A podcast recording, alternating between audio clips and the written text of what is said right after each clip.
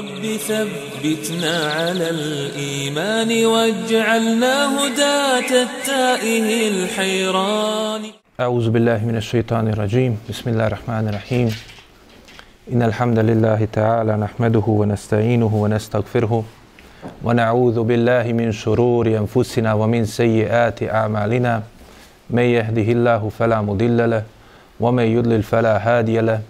واشهد ان لا اله الا الله وحده لا شريك له واشهد ان محمدا عبده ورسوله ارسله الله تبارك وتعالى بالهدى ودين الحق ليظهره على الدين كله وكفى بالله شهيدا ثم اما بعد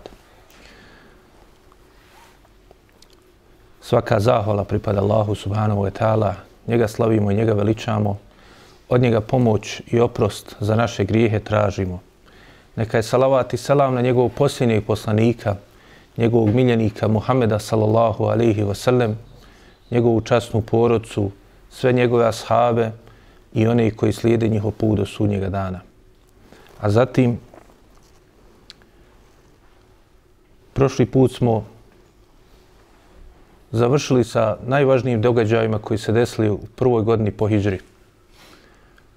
Večeras, inšala, nastavljamo govor o događajima koji se desili u drugoj godini po Hidžri.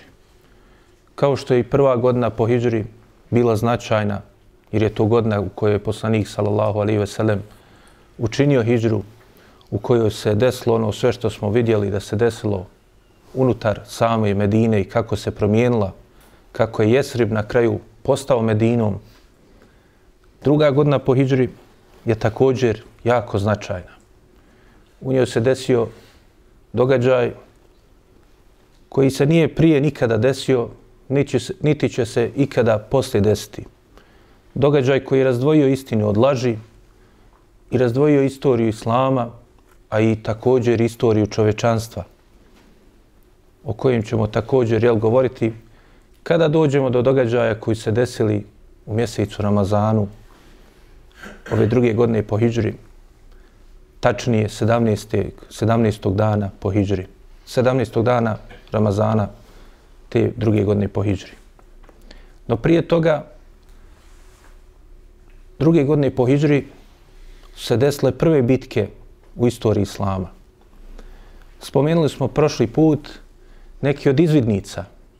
Prva je tako bila izvidnica Hamza ibn Abdul Mutaliba, druga je bila Ubejde ibn Harisa, bratića i Allahu poslanika, a i Hamze, Ubejde ibn Harisa ibn Abdul Mutaliba, a treća je bila Sada ibn Abi Waqasa.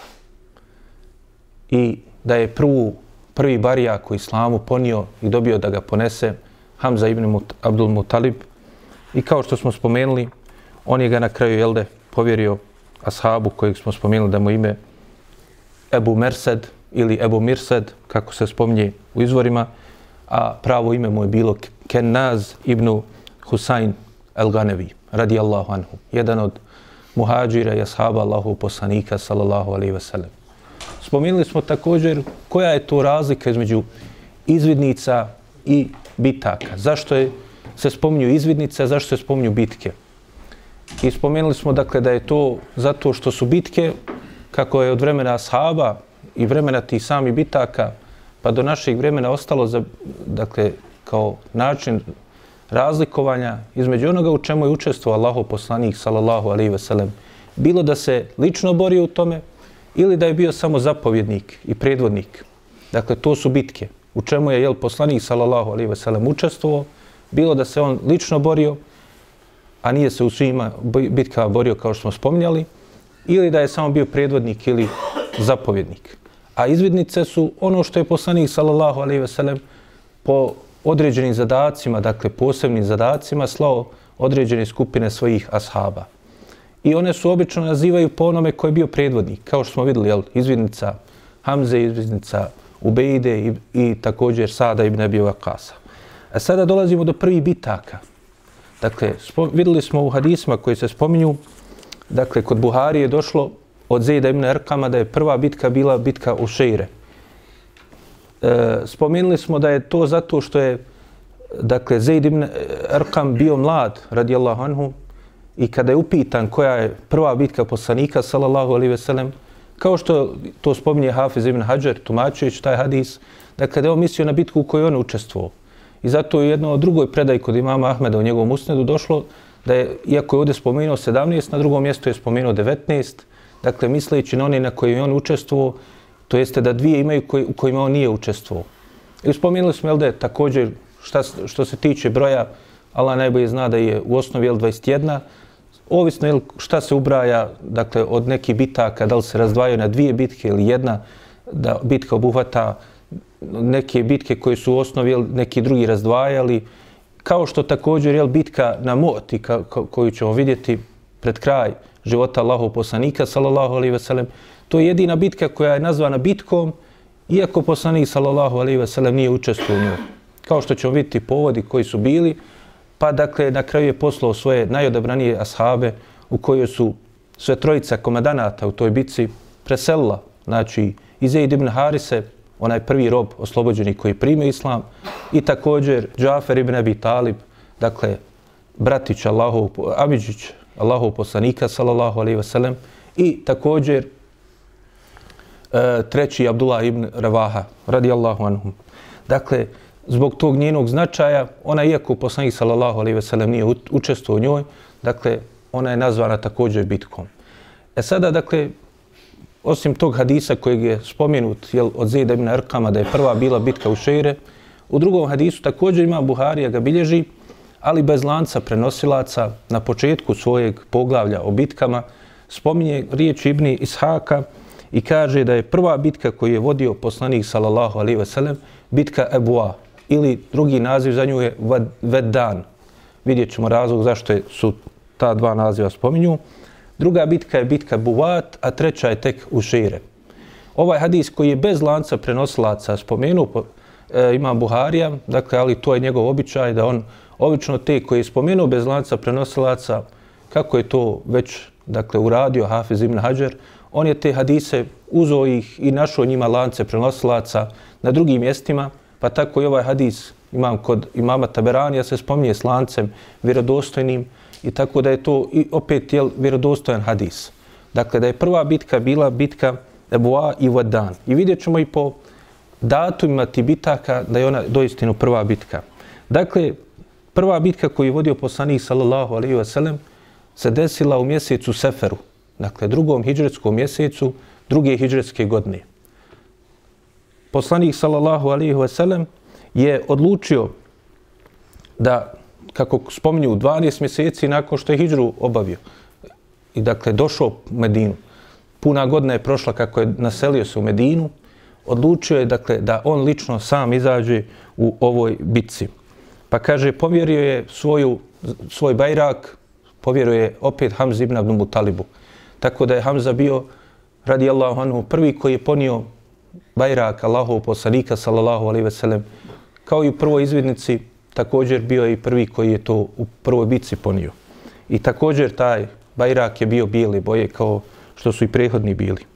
Za svoga namjesnika ili onoga koji će ga zamijeniti u komandovanju i upravljanju Medini, ostavio je poslanik sallallahu alaihi ve sellem jednog od ensarija, Sada ibn Ubadu radijallahu anhu.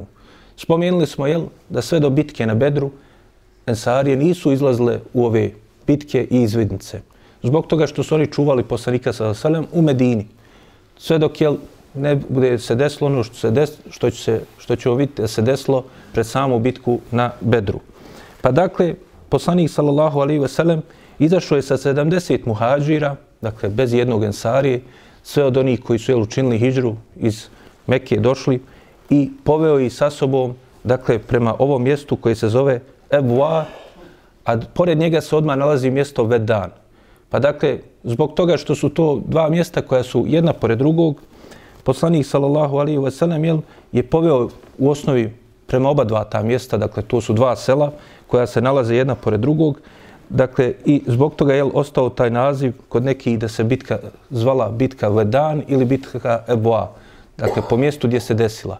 To mjesto se nalazi na putu između Mekke i Medine, kod mjesta koji smo također prije spominjali, koji mu je, jel se zove Džuhfe, to jeste jedan od mikata odakle se kreće da se obave jel, obredi umre ili hađa. Dakle, e, Eboa je u osnovi također jel, brdo koje se tu nalazi, ali također i selo koje se nalazi pored tog brda je nazvano po tom istom nazivu, kao što i pored njega jel, ima to mjesto drugo, Vedan.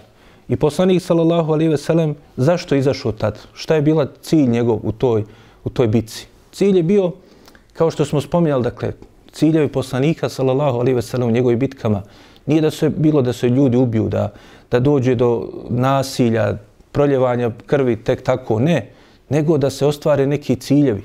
To jeste, pojenta je bila svega toga da se pokaže snaga, da više nisu oni oni slabi muslimani kojima se nepravda činila, koji su bili bespomoćni u Mekki, koji su samo zato što vjeruju Allaha uzvičeno na kraju morali da napuste Meku i da se odvrate, dakle, onda Kurejši od toga da napadnu Medinu. A već su jel počeli da spletkari planiraju da tako nešto urade. Također i da se pokaže snaga i onima koji su Medine, a nisu primili islam. Da i oni jel ne bi nešto od onih ugovora koje je poslanik sallallahu alaihi ve sellem sklopio sa jevrejima ili od onih mušnika koji su još uvijek ostali na širku, a nisu još uvijek primili islam, koji će posle, kao što smo spominjali, postati nakon bitke na Bedru, postati munafci i samo prividno primiti islam, da se i njima pokaže snaga i da moraju poštovati dogovore koji postoji. Dakle, nije bila pojenta da dođe do direktne borbe po svaku cijenu, nego da se jel, ostvari ti ciljevi. I zato, kaže poslanik, sallallahu alaihi ve sellem, kada je došao do tog mjesta, želio je da e, dakle, želio da dostigne njihovo jedno od karavana i da je susretni. No međutim, nije, nije, nije do, došlo do susreta između njih. Dok su oni došli do tog mjesta, dakle, već su ovi od mušrika iz Mekke već otišli sa tog mjesta, tako da do, nije došlo do bitke. Poslanik, sallallahu alaihi ve sellem, u ovom izvidnici, u ovoj bitci, proveo je 15 dana. Dakle, 15 dana je proveo na putu dok je otišao, jer je to vrlo daleko mjesto i trebalo je neko vrijeme dakle, da se osmotri teren, da se dakle, da tu sačekaju i da vide šta će se desiti. Između ostalog šta se desilo, to jeste da je poslanik sallallahu alejhi ve sellem također iako nije došlo do te jel, izravnog dakle sukoba, uspio da sklopi dogovor sa jednim od plemena koje je nastanjivalo to mjesto da ne dođe do nikakvih borbi sa tim plemenom koje je tu se nalazilo. A to je bilo pleme Beni Dumeire, e, Beni, e, Beni Damre, Beni Damre. Dakle, to pleme se nas, je nastanjivalo to područje tu. I kao što smo spominjali, poslanik sallallahu alejhi ve sellem je uspio sa većinom plemena oko Medine, dakle postepeno, a ovo je jedno od tih plemena, da sklopi dogovor, da ne dođe jel, do nikakvih sukoba između njih i također da jedni drugi potpomognu u slučaju da i neko drugi napadne. Normalno ciljajući prije svega jel, te mušrike iz Mekke. Pa dakle, jedan od predvodnika tog plemena kojim je bilo ime Mihši ibn Amr el-Damri, poslanik sallallahu alaihi ve sellem je s njim sklopio dogovor da je o napadanju i da će jedni drugima pružati e, pomoć u slučaju nekih e, sukoba sa druge strane i povodu toga su napisali čak i dokument dakle tog dogovora o nenapadanju. Tako da je poslanik sallallahu alaihi ve sellem jel, opet ostvario neki uspjeh iz ovoga svoga ove prve bitke u kojoj je kao što vidimo i kao što smo vidjeli one prve tri izvidnice nije došlo do borbe. Samo u onoj drugoj izvidnici izvidnici Ubejde ibn Harisa vidjeli smo jel da je došlo do susreta tih dakle skupina pa je dakle Sad ibn Abi Vakas bio prvi koji je ispalio na Allahovom putu dakle strilu. Dakle to jeste nije došlo do direktne ikakve borbe. Druga bitka koja se desila je bila bitka Buvat ili Bevat. Također po jednom mjestu kod kojih se ta bitka desila.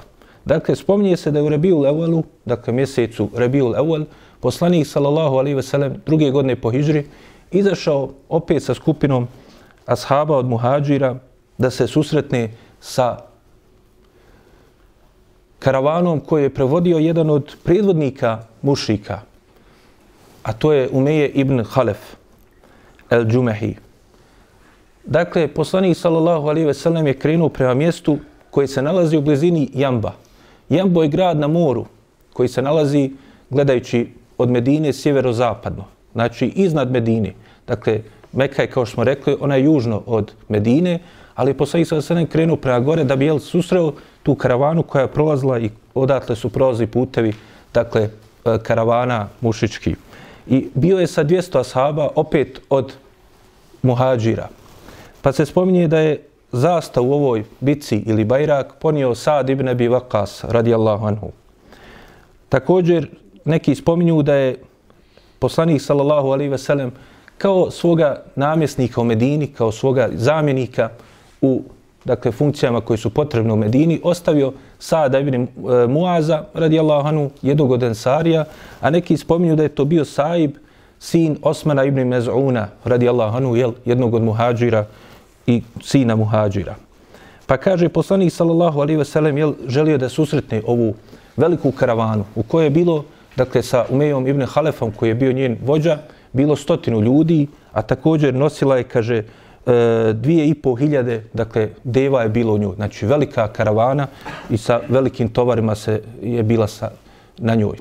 Umeje ibn Halep videli smo, je tako, iz mekanskog perioda, da je to bio jedan od najgorih i najvećih zlostavljača ashaba Allahov poslanika, sallallahu alaihi veselem.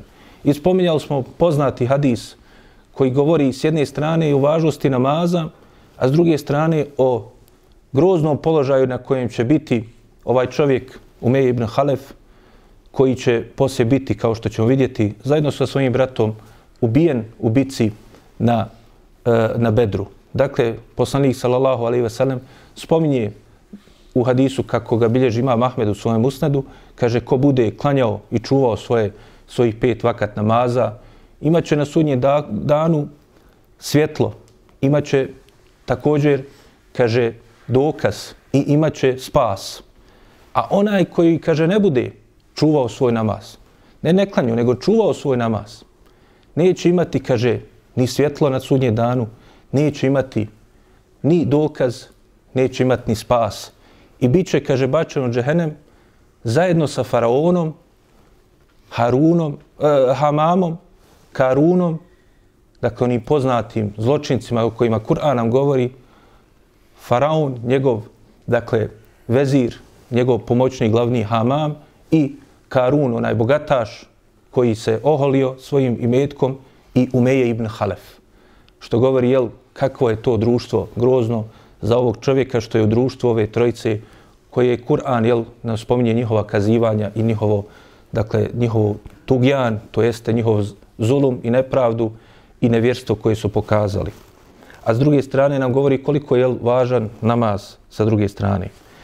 Također u ovoj bici poslanik sallallahu alejhi ve sellem dok je došao do tog mjesta Buvat, ova karavana je prošla i nije uspio da ih, dakle, dođe do susreta sa njima, a želio je da, ili da prepadne tu karavanu, želio je da ih zaplaši, da bi pokazali opet snagu i da bi, jel, Kurešije znali da muslimani su ozbiljni, da s njima više nema igre, da ne mogu učiniti nepravdu kao što su činili.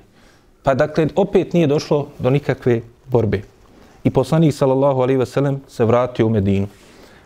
Treća bitka koja se desila je ova koju je spomnio Zaid ibn Arkam, a to je bitka u Šeire.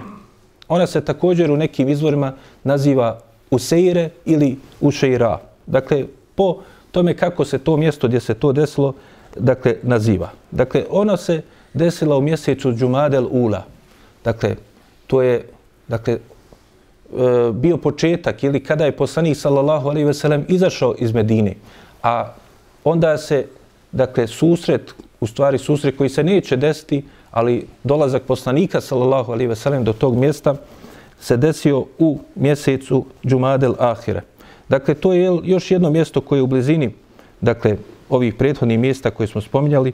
Dakle, i također tu poslanik sallallahu alejhi ve sellem e, nije došlo do borbe sa ovim mušicima koji su odatle prošli. Spominje se da je poslanik sallallahu alejhi ve sellem dakle izašao tu ponovo je dao svoju zastavu Hamzi ibn Abdul Mutalibu koja je također kao i prethodna dva puta bila bijela.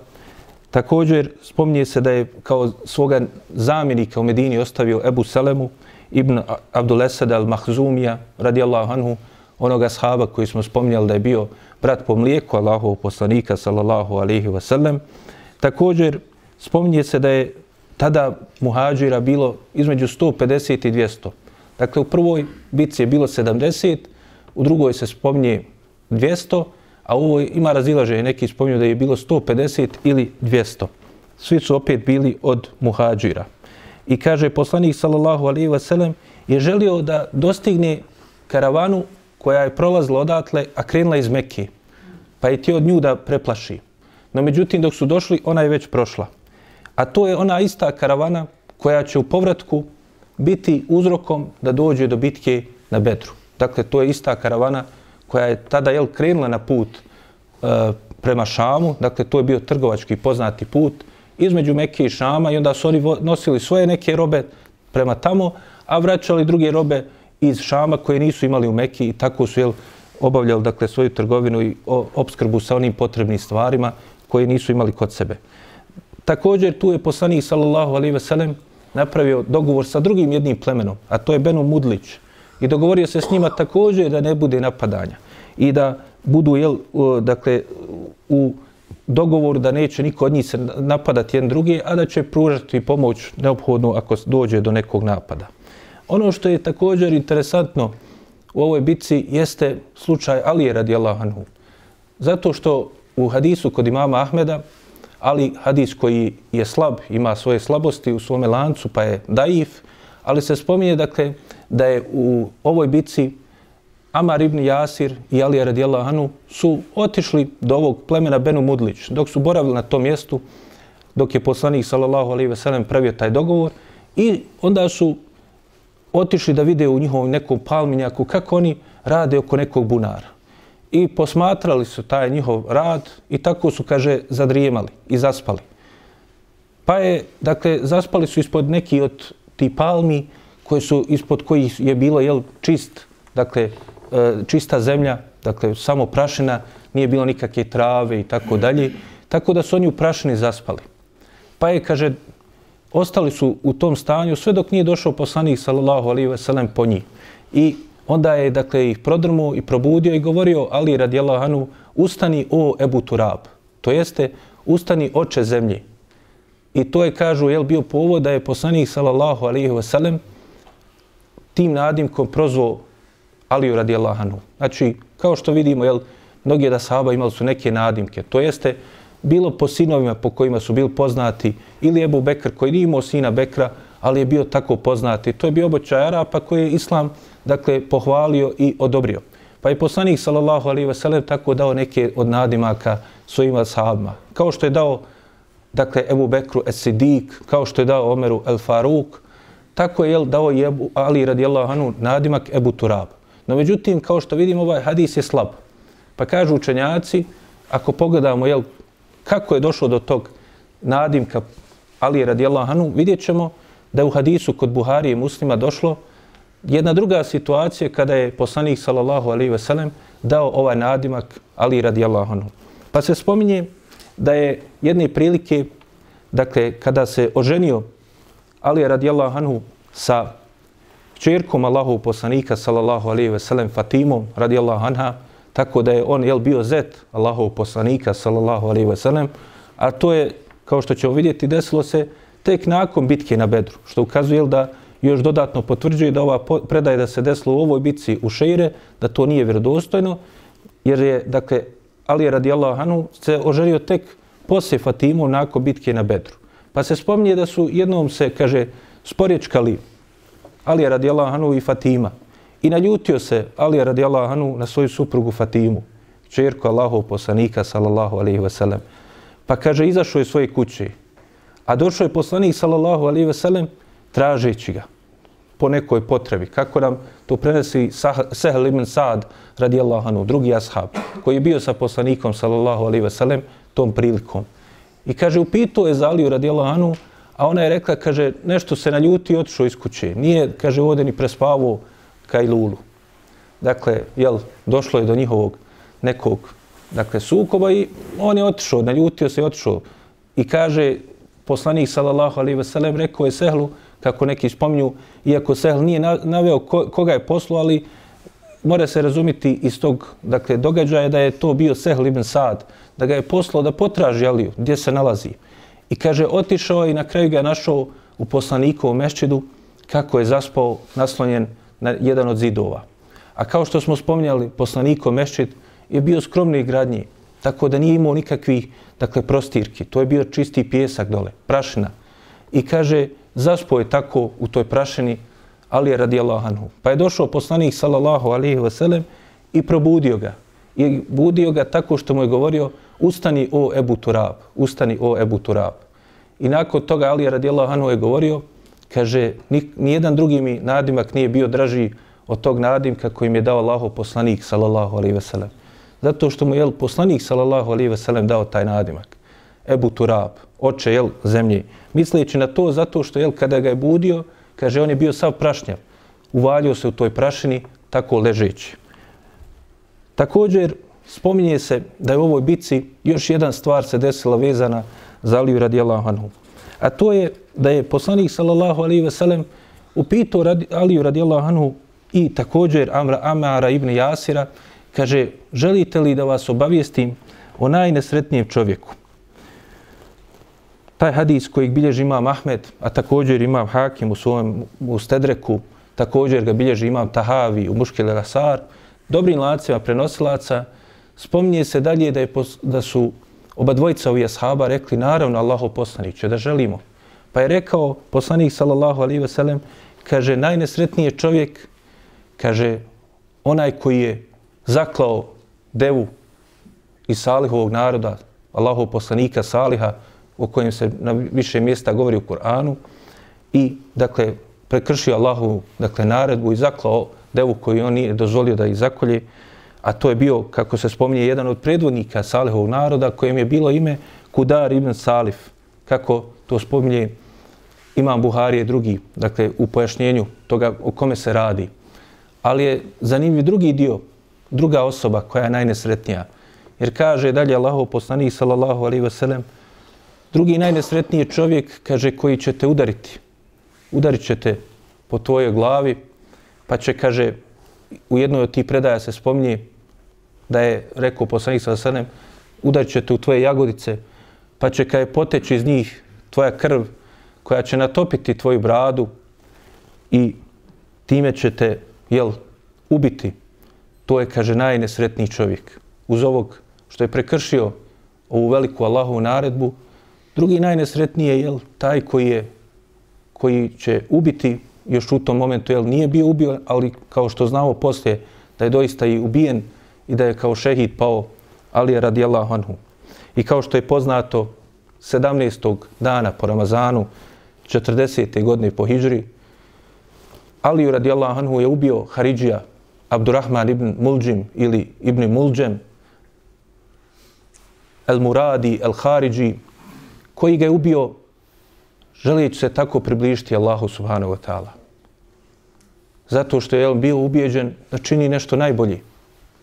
Dotle da, kao što je poznato kazivanje o tom Haridži, koji je bio veliki borac na Allahom putu, učinio mnoštvo dobrih dijela, bio u vojsci koja će osloboditi Egipat pod, u vojsci Amra ibn Lasa radi Allahanhu, ali zalutao sa pravog puta, ali ubijeđen da radi najbolji. Pa kaže, kada su ga ufatili, nakon što je ubio Aliju radi Allahanu, ovi koji su ga ufatili, a bili su jel, bliski Ali radijala Anu i teško im je to palo, pretjerali su u svome postupku, jer su onda odlučili da ga raskomadaju zbog toga što je uradio. To nije u redu što su radili, ali ovaj definitivno učinio jedno najveći zala i vidimo da je taj čovjek od najnesretnijih ljudi koji su kročili zemljom. Pa kaže se dalje, kaže se da je ovaj Abdurrahman ibn Mulđem, kaže, kada su mu uzeli da sjeku ruke, nije se ni oznojio. Nije ni jedan glas pustio, samo je zikrio i spomnio Allaha. Pa su mu osjekli noge, pa kaže, opet nije pustio glasa. Pa su onda uzeli da mu osjeku jezik. Onda je, kaže, vrisnuo. Kažu, sad si vrisnuo Allaho neprijatelje. Sad te je li pogodilo? Kaže, ne tako mi je Allaha. Ne samo zato što hoćete da mi osjećate jezik, a ja s njim zikrim Allaha. Hoću da Allaha sretnem sa zikrom.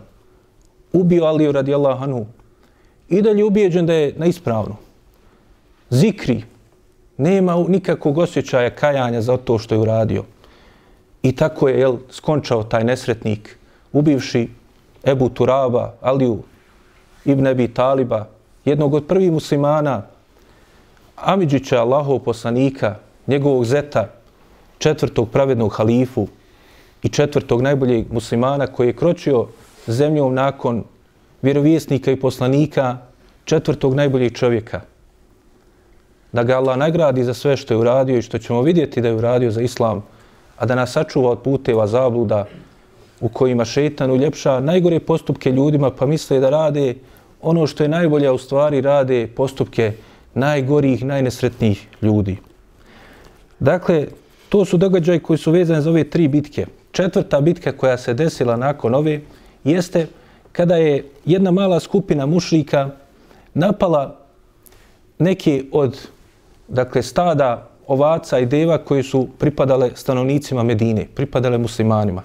Pa su u jednom mjestu van dakle, Medine, oni gdje su čuvali dakle, te svoje, svoja stada, e, dakle, stočari i e, čobani iz Medine, oni su napali i uzeli nešto od te stoke. Pa je poslanik sallallahu alaihi ve sellem dakle nekoliko dana nakon ove bitke, nakon što se vratio u mjesecu Džumadel uh, Ahire u Medinu, ponovo krenuo dakle, da sustigne tu skupinu.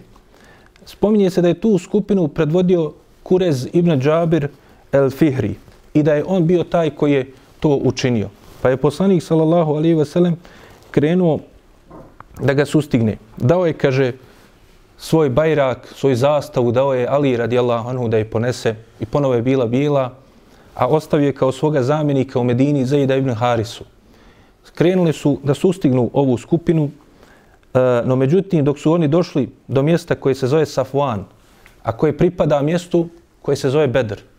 I zato ova bitka je postala nazva, poznata kao e, Gazvetul Bedr el-Ula. Dakle, to je prva bitka na Bedru. Zato što ćemo, kao što ćemo vidjeti, na Bedru se desile tri bitke. I zato ona velika bitka na Bedru se zove Gazvetul Bedru El Kubra. Dakle, velika bitka na Bedru. A bila je ova prije, dakle, kojoj u osnovi nije došlo do bitke i poslije će nekad, kao što ćemo vidjeti, inšala, došlo ponovo do susreta između muslimana i nevjernika ponovo na ovom mjestu. Dakle, poslanik, sallallahu alaihi ve sellem, nije uspio e, dakle, da dostigne ovog dakle, koji je učinio ovo loše dijelo, ali šta je interesantno za ovog Kureza ibn e, Džabira el Fihrija, da je on posle primio islam. I ne samo da je primio islam, nego nakon što je bio jedan od predvodnika mušika i bio je odvažan toliko da je uradio ovo dijelo, dakle da je posle primio islam i da je bio jedan od onih koji su se pokazali, dokazali u borbi za islam. Tako da je na kraju u oslobođenju Mekke bio on jedan od onih koji su preselili kao šehidi radi Allahu anhu, kao što to spominje Hafiz ibn Hajar u svojoj knjizi vezano za ashabe, koja se zove El Isabe. Dakle, to je četvrta bitka. Na kraju toga svega dešava se bitka, vidimo četiri bitke, tri izvidnice, nije došlo do borbe. Dolazimo do borbe ili izvidnice u stvari u kojoj je došlo do borbe. Prve izvidnice, a time i prve jel, i bitke zato što je u bitkama prije toga nije bilo sve do bedra istinske borbe u kojoj su jel, muslimani se došli u situaciju da bore protiv mušrika i da dođu jel, do, do nekih posljedica toga po pitanju ubijenih ili zarobljenih. Spominje se da je poslanik sallallahu alaihi ve sellem u sljedećem mjesecu, dakle, Džumade Lahire, to je mjesec u kojem se mi sad nalazimo, šesti mjesec, dakle, po redoslijedu hijđarskih mjeseci. Sedmi mjesec po redoslijedu je mjesec Ređeb. Nakon toga ide Šaban, Ševal, e, e, ide e, Šaban, ide Ramazan. Pa onda ide El Ševal. Dakle, deveti mjesec je Ramazan.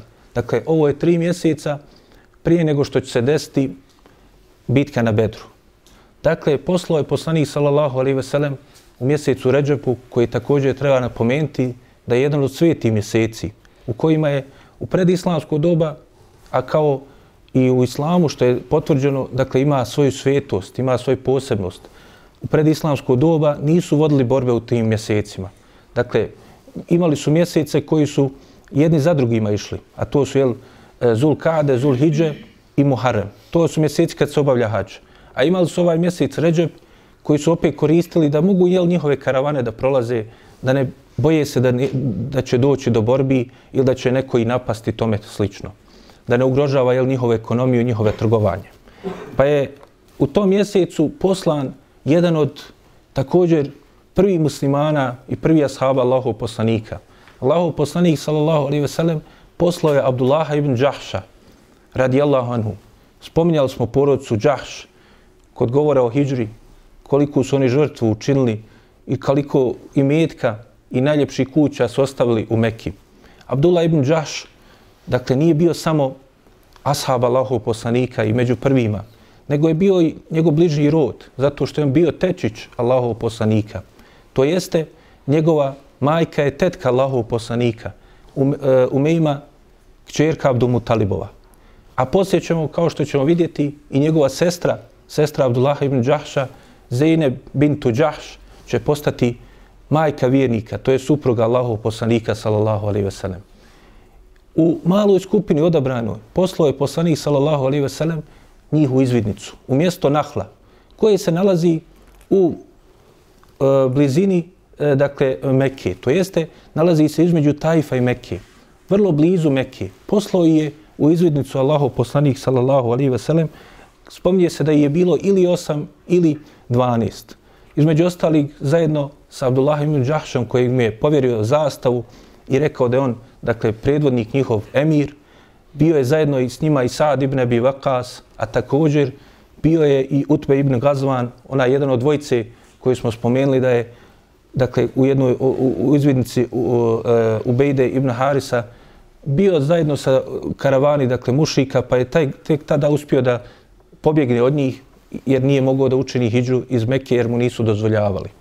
Pa dakle, ova odabrana skupina muhađira, dakle, svi su opet bili od muhađira, krenuli su na taj zadatak koji je povjerio poslanik sallallahu alaihi wasallam.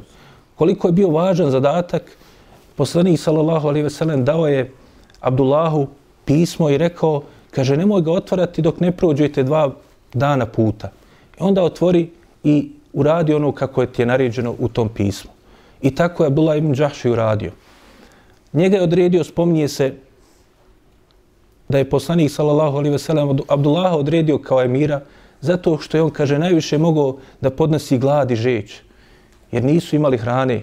Krenuli su na taj zadatak sa vrlo malo hrane, sa nešto malo datula i nešto malo vode.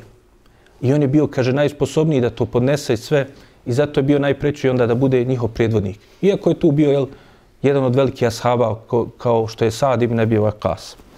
Pa kaže, nakon što su prošli ta dva dana, otvorio je Abdullah pismo i u pismu je pročitao da mu je poslanik sallallahu alaihi ve sellem naredio da dođe do tog mjesta koji se zove Nahle, na putu između Mekke i Tajfa. I da tu osmatra, dakle, karavane koji prolaze, mušičke karavane, jer je to bilo mjesto, pored puta tih karavana, i da posmatra njihova kretanja i da, dakle, uhodi ih, da prikupi informacija i da se sa tim informacijama vrati u Medinu. I tako su i uradili. Prije toga Abdullah ibn Đahš također je rekao ovim ostalim svojim drugovima koji su bili sa njima da je poslanik sallallahu alejhi ve sellem rekao da nikoga ne prisiljava jer je to bio opasan zadatak. Vrlo blizu su bili Mekke. Pa ko hoće da pristane, neka ide sa njim. Ako neće, može se vratiti u Medinu. No međutim, svi su se odazvali naredbi Allahovog poslanika sallallahu alejhi ve sellem. Pa se spominje dalje da oni su osmatrali kako jel prolaze te karavane, sve dok nisu vidjeli jednu karavanu kako prolazi i onda su došli u dilemu šta da urade po pitanju nje. Dakle, karavana koju je nosila trgovačku robu za stanovnike Mekke u koje su bile, kako se spominju, kože, grožđice, dakle, vrlo važne stvari i vrlo važna i hrana i potrebni, dakle, e, e dakle, obskrba koja je bila potrebna u tom vremenu za sve Arape, a posebno jel, stanovnike, dakle, e, Mekke, koja se nalazila u pustinji, koja je bila vrlo ovisna o tim, dakle, snadbijevanjem izvana Mekke. U toj karavani su bila četvrca ljudi. Jednom je bilo ime Amar ibn al-Hadrami, drugi je ime bilo Usman i njegov brat Neufel, sinovi Abdullaha ibn Mugire i četvrti je bio Hakem ibn Kejsan koji je bio oslobođenim rob Hišama ibn Mugire. I oni, kada su ih vidjeli, ovi ashabi, i kada su vidjeli da su oni ocijeli, vidjeli su priliku da ih, dakle, zarobe i da uzmu tu karavanu za sebe i da je vrate u Medinu. No, međutim, vječali su da li da tu rade, jer su se nalazili, kako se spominje, u zadnjem danu mjeseca Ređeba.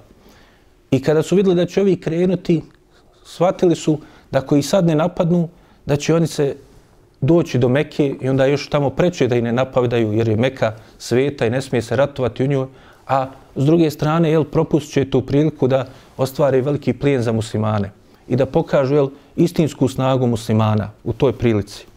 Pa na kraju su odlučili da ipak napadnu. Iako im poslanik sallallahu alaihi ve sellem to nije naredio da uradi i nije spomenuo ništa po tom pitanju u pismu koje su dobili. Pa kaže, spominje se da su onda napali i da su uspjeli da zarobe tu karavanu, a što se tiče ove četvrce koja su bila tu, spominje se da je Vakid ibn Abdullah etemimi gađao svojim kopljem i pogodio i ubio Amra ibn e, e, al-Hadramija, tako da je on bio prvi koji je ubijen od ruke muslimana, dakle u jednoj bici. Što se tiče ovi ostali, dakle dvojicu su zarobili, a jedan je pobjegao. To jeste, Neufel je pobjegao, a njegov brat, e, kojeg smo spomenuli, dakle, e, je zarobljen, a to je, dakle, Osman, sin Abdullah ibn Mugire i također El Hakem ibn Kejsan je zarobljen. I oni su radosni sa ovim što su radili, odlučili da se vrate sa prikupljenim informacijama i sa ovom dakle, karavanom i sa ovim zarobljenicima da se vrate Allahom poslaniku i da se vrate u Medinu. Kada su došli u Medinu i kada su došli radosni poslaniku, sallallahu alaihi veselem, svojim postupkom, kada je to vidio poslanik, sallallahu alaihi veselem, naljutio se, rasrdio na njih, pocrvenio sav i rekao, ja vam to nisam naredio da to radite. Vi ste to na svoju ruku uradili. I okrenuo se i otišao. Rekao da zarobljenike zadrže da vide šta će uraditi i sa tim plijenom ratnim. Dakle, zato što nije mu bilo to dozvoljeno od Allaha uzvišenog. Niti ovim ashabima da to urade zato što nisu dobili tako naređenje od Allaha poslanika, sallallahu alaihi wa sallam. I to je jako teško palo ovim ashabima. Posebno Abdullah ibn Đahšu, koji je kao emir, dakle, to naredio i odobrio i predvodio. Pa su ostali ashabi počeli da im govore, to su oni koji su prekršili naredbu Allahov poslanika. Teška optužba. Iako su, jel, kao što vidimo, uradili korisnu stvar za islam, ali nisu uradili onako kako im je rekao poslanik, sallallahu alaihi wasallam. A gdje smo mi od toga i takvih postupaka naši u životu, gdje kršimo naredbe Allahov poslanika i radimo mnoge stvari ne razmišljajući da li je to naređeno ili ne. A nekada jel, čak mislimo da radimo nešto dobro. A vidimo ove ashabe kako, kako su i ostali ashabi korili zbog toga.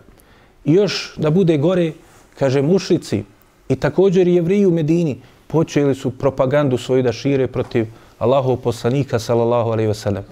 To im je bio veliki dokaz i argument da koriste protiv njega.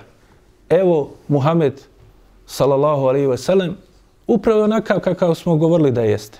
Dokšao je da pravi nered, da pravi nasilje, da krši čak i svetost sveti mjeseci i da povede borbu u njima. I to je bila jel, veliki udarac za muslimane, da se takve vijesti šire protiv njih. A sve zbog ovog postupka koji su oni uradili. I to je potrajalo neko vrijeme dok Allah uzvišeni u suri Bekare nije objavio ajet koji pojašnjava ovaj slučaj. Allah uzvišeni kaže u Kur'anu Jes elune kani šehril haram qitalin fi. Pitajte, kaže, o svetim mjesecima i borbi u njima. Kaže Allah uzvišeni, kul kitalum fihi kebir. Kaže, borba u njima, to je veliki grijeh, veliko djelo, veliko loše djelo koje se ne treba da radi u osnovi. Ali kaže Allah uzvišeni dalje, wa saddun an sabilillahi wa kufrun bihi wal masjidil harami wa ikhraju ahlihi ek, e, minhu ekberu inda Allah. A kaže, a odvraćanje od Allahov puta i nevjerstvo u njega. I mešćid haram, sveti haram, sveti mešćid, kjaba i ono što su uradili i radi oko njega od širka i ostalog. I protjerivanje stanovnika Mekke samo zato što vjeruju Allaha, to je veće kod Allaha. Od tog, od ti svetosti, ti mjeseci. I dalje Allah uzvišeni kaže wal fitnetu ekberu min al qatl. A kaže fitna, smutnja, to je šir koji oni propagiraju. To je puno gore od tog ubijstva koje se desilo u tom svetom mjesecu. I dalje Allah uzvišeni kaže wala yazaluna yuqatilunakum hatta yaruddukum an dini la an dinikum in istata'u. I oni će se neprestano protiv vas boriti. Neprestano će se protiv vas boriti sve dok vas ne odvrate od vaše vjere ako mognu. A kaže dalje uzvišeni Allah, وَمَا يَرْتَدِدْ wa huwa فَيَمُوتْ fa كَافِرٌ habitat a'maluhum fi dunya wal akhirah." Allah uzvišeni dalje kaže, a oni koji se od vas odmetnu od svoje vjere, po tim njihovim pritiscima, tim njihovim postupcima, popuste, ostave svoju vjeru, vrate se na ono na čemu su bili. Zato je ride, tijel vraćanje sa islama na nevjerstvo. Pa kaže dalje Allah uzvišeni, oni su, kaže, nevjernici i njima će, kaže, propasti djela i na dunjalku i na Ahiretu. I dalje kaže Allah uzvišeni, wa ulaike ashabu nar. I ti koji tako rade, onda su oni stanovnici vatre hum fiha khalidun i oni će u njoj vječno boraviti. I nakon toga Allah uzvišeni spominje ajet o kojem smo već govorili, a to je ajet u kojem se govori, kako smo videli kroz govor Ibn Kajima, koliko je važna ta veza između dakle, ulaganje truda na Allahom putu, hijđre, i da je hijđra ima više značenja, dakle nije samo napuštanje neko mjesto u drugo mjesto, nego napuštanje onoga što je Allah uzvišeni zabranio prije svega i vezanosti toga i neophodnosti toga da bi imam bio kako treba. Allah uzvišeni kaže dalje inna ladine amenu walladhine hađaru wa džahedu fi sabili Allahi ulaike jerđune rahmetallahi wallahu gafuru rahim. Kaže oni koji vjeruju, doista oni koji vjeruju, is, isele se na Allahom putu i bore se na Allahom putu, oni žele Allahovu milost i dalje Allah uzvišeni kaže a Allah je onaj koji prašta i koji je milostiv. Dakle, pokazao je, Allah je ukazao to što vi govorite. Narušili su svetost mjeseci, pa vi ste još to prije narušili. Vi ste narušili svetost Mekke. Istjerali ste ljude, ubili ste ljude u Mekki zato što vjeruju Allaha. Narušili ste svetost mjeseci kad ste to radili u tim svetim mjesecima te loše postupke. Radite još gore stvari, poštujete i tražite poštovanje mjeseci i svetosti njihovi i svetosti Kabe, a s druge strane činite nevjerstvo Allahu, činite širk, borite se protiv ljudi samo što vjeruju Allaha uzvišeno. A s druge strane, ovi ashabi, vidimo Allah uzvišeni je spominje u kontekstu jel, da su oni oni koji vjeruju, koji se iselili na Allahom putu, koji se bore na njegovom putu i da su oni ti koji želi Allahu milost.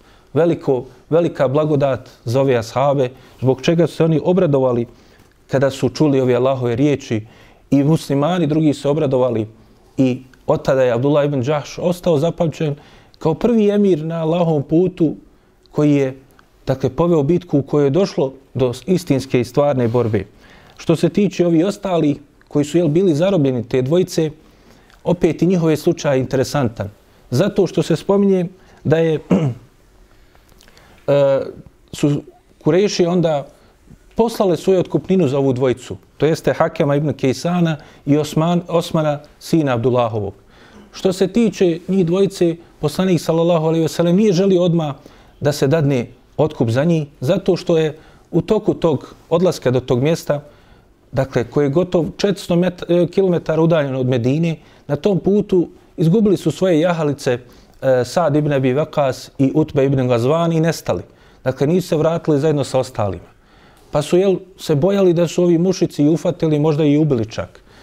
Tako da su poslanik sallallahu alejhi ve sellem sa ashabima rekao je mušicima nećemo ih vratiti, nećemo prihvatiti njihov otkup dok se ova dvojica ne vrate ili dok ih vi ne vratite. I umeđu vremenu se desilo da se oni vratili istinski, dakle, da ništa im se nije desilo, nego da su izgubili svoje jahavlice na tom putu, pa su, jel, dakle, tek kada su i našli, onda se vratili u Medinu.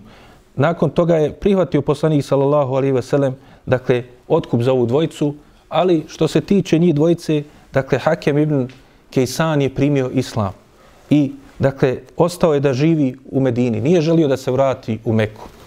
Također, spominje se da je posle i on kao šehid preselio u borbi koja će se desiti kod bunara Me'aune, Bi'rul Me'aune, dakle da je preselio na Allahom putu. Dakle, na kraju, jel, uprkos ovome što se desilo, on je nakon tog boravka u Medini, upoznavajući se sa islamom, oslobođen te propagande koju su oni širili i zaustavljanja ljudi da čuju išta o islamu, on je, dakle, čuvši šta je islam, iako je bio zarobljenik, iako je bio otkupljen, ipak odlučio da ostane u Medini, da ostavi sve što je imao u Mekki i da ostane tu i da živi među muslimanima kao musliman.